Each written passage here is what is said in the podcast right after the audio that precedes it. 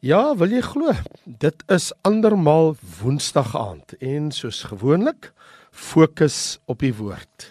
En ja, ek is Raymond Lombard en jy weet mos Woensdae aande reis ons deur die Bybelboek Romeine. En ja, kan jy glo? Ons is nou by Romeine hoofstuk 8. Letterlik neem dit ons halfpad deur die boek, né? Omdat ons weet dat Romeine 16 hoofstukke en ons is nou in hoofstuk 8. Dit vat ons in die halfpad merk van die boek Romeine. Kan jy dit glo?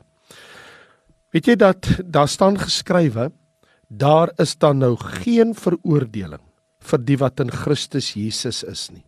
Vir die wat nie na die vlees wandel nie, maar na die gees want die wet van die vlieg van die gees van die lewe in Christus Jesus het my vrygemaak van die wet van die sonde en die dood.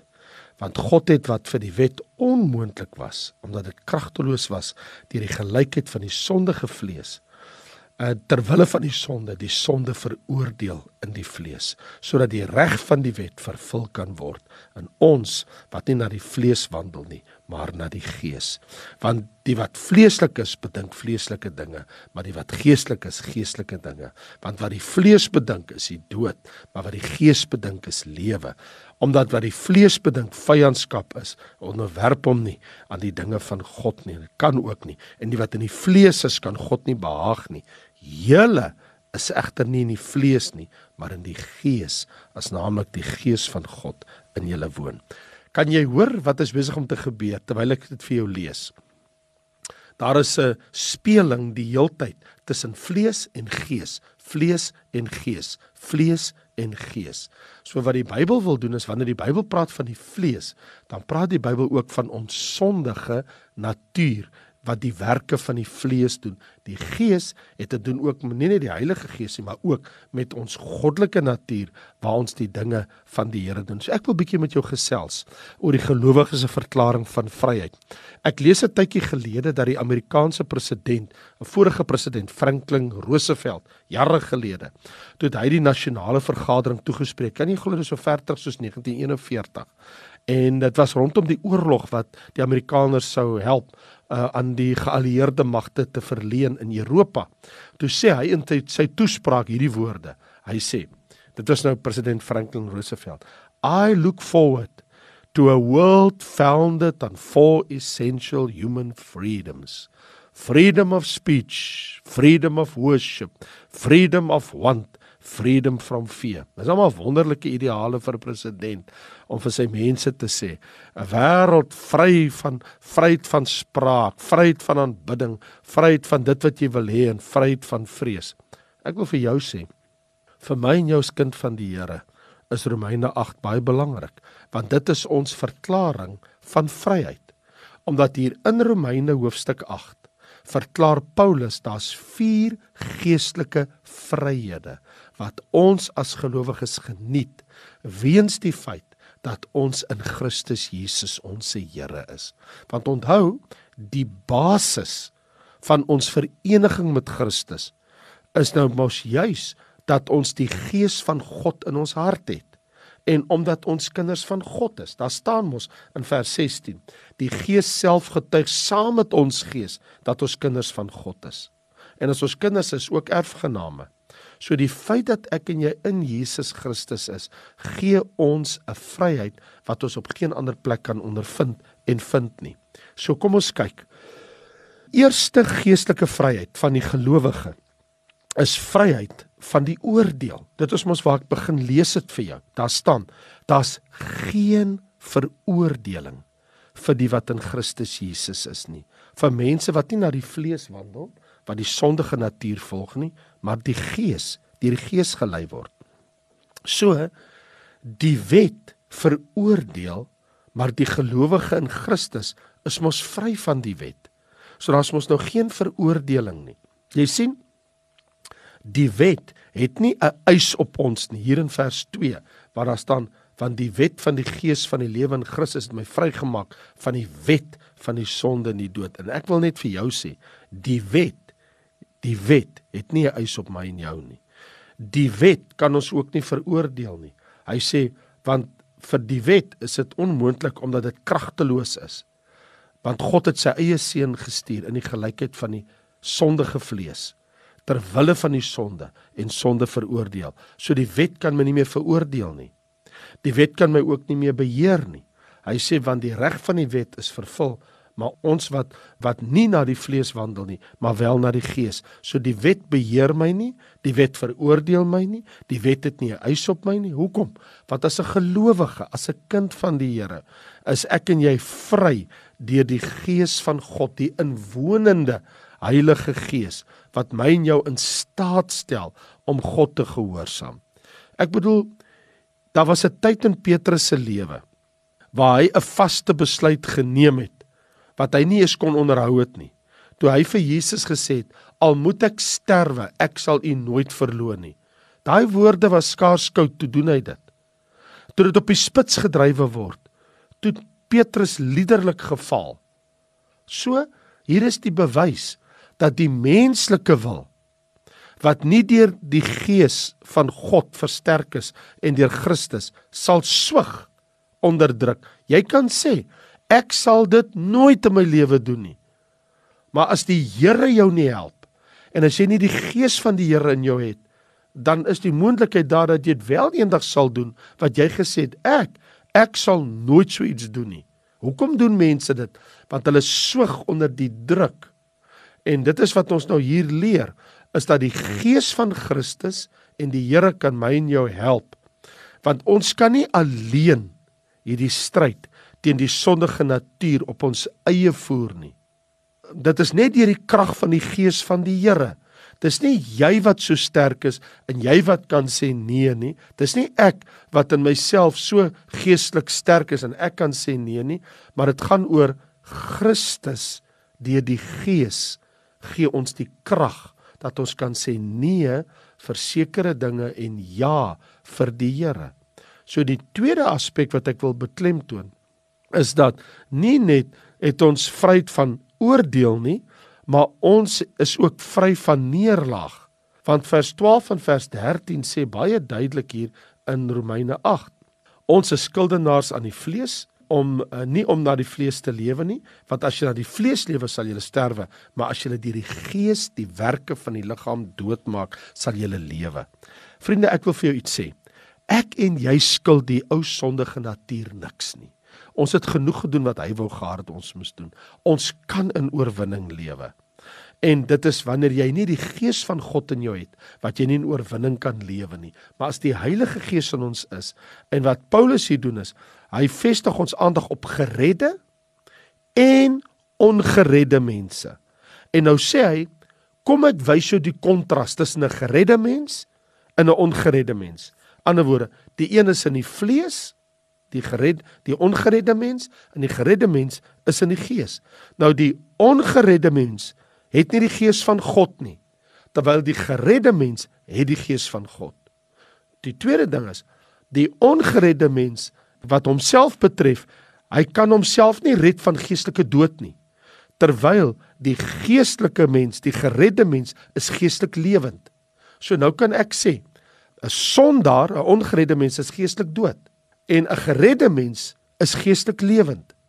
Nou gaan hy nog 'n tree verder in vers 7 waar hy sê wat die ongeredde mens betref wat in die vlees lewe tussen stryd met God terwyl die geredde mens wat deur die gees lewe het vrede met God.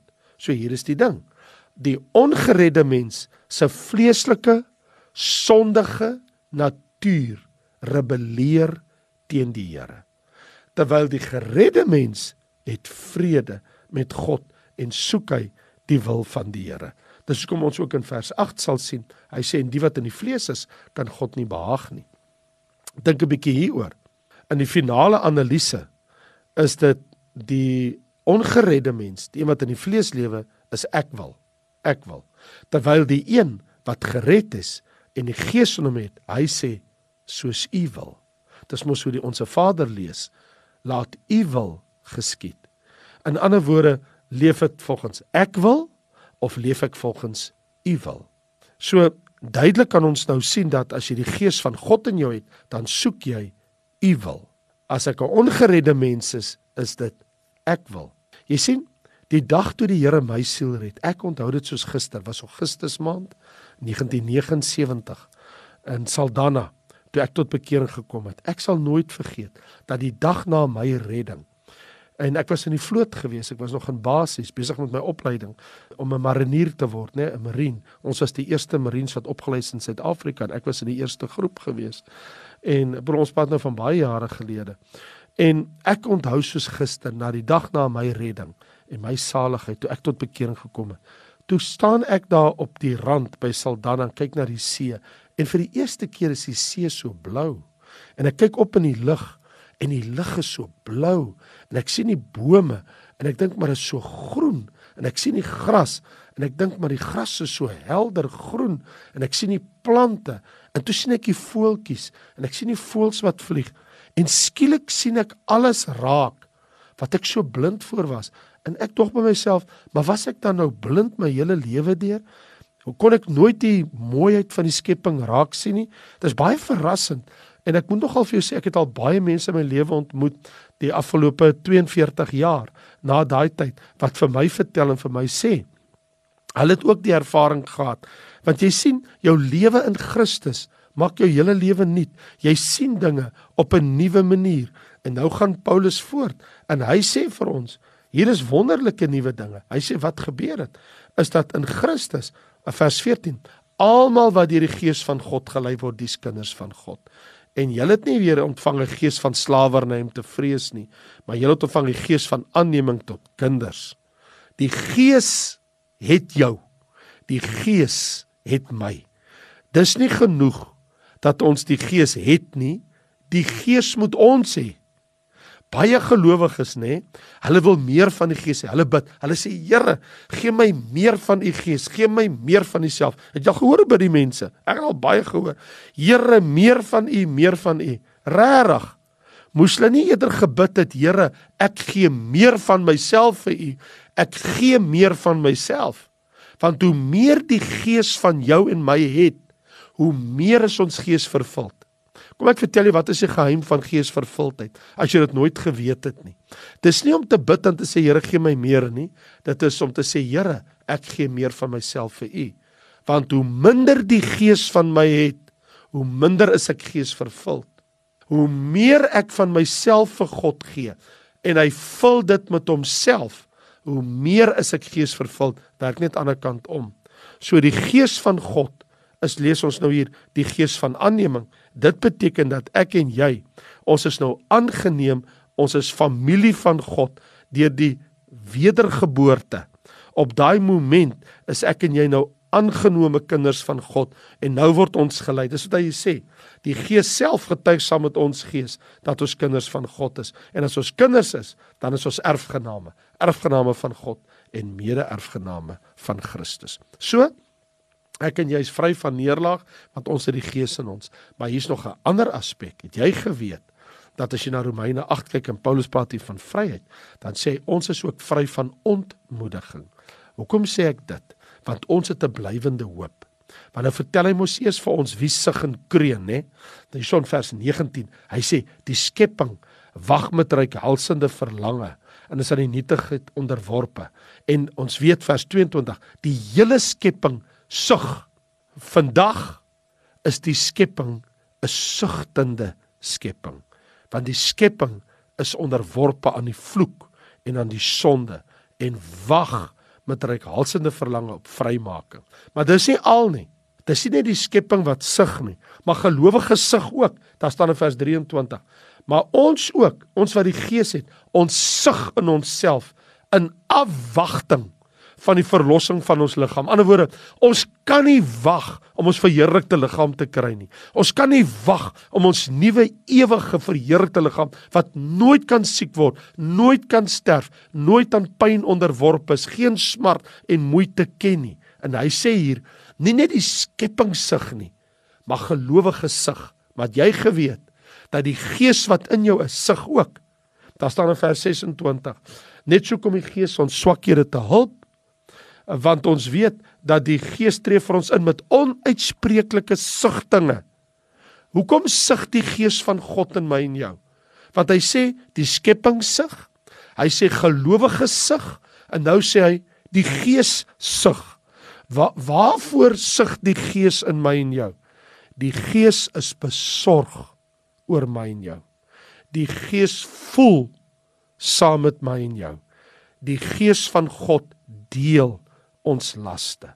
En daarom hoef ek en jy nie moed te verloor nie. Hoekom nie? Want vers 29 en 30 sê die wat hy van tevore geken het, het hy verordineer om gelykvormig te wees aan die beeld van sy seun. En die wat hy verordineer het, het hy geroep, geregverdig en verheerlik. In ander woorde, God het 'n plan. God het 'n plan met my en jou lewe. En dit is dat ons sal eendag dieselfde verheerlikte liggaam as Jesus hê. En nou bring ek by jou by die vierde gedagte van Paulus. En hy sê, ons is vry van vrees. Ja, ons het nie vrees soos wat 'n wêreldling 'n sondaar het nie, want hy sê, wat sal ons nou van al hierdie dinge sê? As God vir ons is, wie kan teen ons wees? God het dit bewys. Hoe weet ek God is vir my? Hy het sy seun vir my gegee. Hoe weet ek God gee om? Hy het sy seun vir my gegee. Hoe weet ek God is lief vir my? Hy het Jesus vir my gegee. So lief het God die wêreld gehad. In ander woorde, ek weet God gee om. Gr Hoeveel gee hy om? Hy gee baie om. Hy gee soveel omdat sy seun vir my gesterf het. Hierso staan, hy wat sy eie seun nie gespaar het nie, maar hom vir ons almal oorgegee het. Hoe sal hy nie saam met hom ons ook alles genadiglik skenk nie? So hy sê, Christus het vir ons gesterf en nou is ons geregverdig. Hy sê, wie sal beskuldiging inbring teen die uitverkorenes van God? God is dit wat regverdig maak. So vriende, ek stel dit aan jou. God wil jou nie beskuldig nie. God verklaar jou regverdig in sy seun Jesus. Jy mag jouself beskuldig. Ander mense kan jou beskuldig. Die duiwel kan jou beskuldig. Maar dis nie God se intensie om sy kind van enigiets te beskuldig nie. Daar's nie veroordeling vir ons nie. Daar staan in vers 34: Wie sit wat veroordeel? Hy sê Christus is wat gesterf het. Meer nog, wat opgewek is, wat aan die regterhand van God is, wat vir ons intree. So as Christus vir ons gesterf het, as ons in Christus geregverdig is, as Christus vir ons intree en as Christus ons liefhet. Hy sê in vers 35: Wie sal ons skei van die liefde van Christus? Hy sê wie sal jou van Christus se liefde skei? Hy sê Christus tree vir jou in. Christus het vir jou gesterwe. Christus het ons geregverdig. Hy sê wat vrees ek en jy?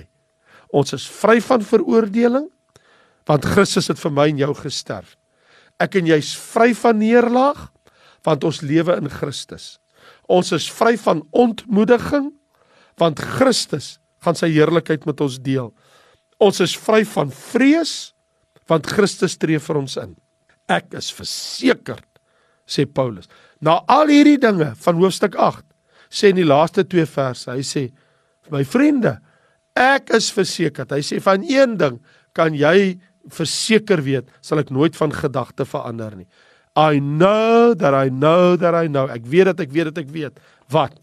Dat geen dood of lewe of engele of owerhede of magte of teenwoordige of toekomende dinge of hoogte of diepte of enige ander skepsel ons sal kan skei van die liefde van God wat aan Christus Jesus ons Here is nie. Wie wat? Wie wat lees ek en jy en wat ontdek ons in Romeine 8? Daar's geen veroordeling vir God se kind.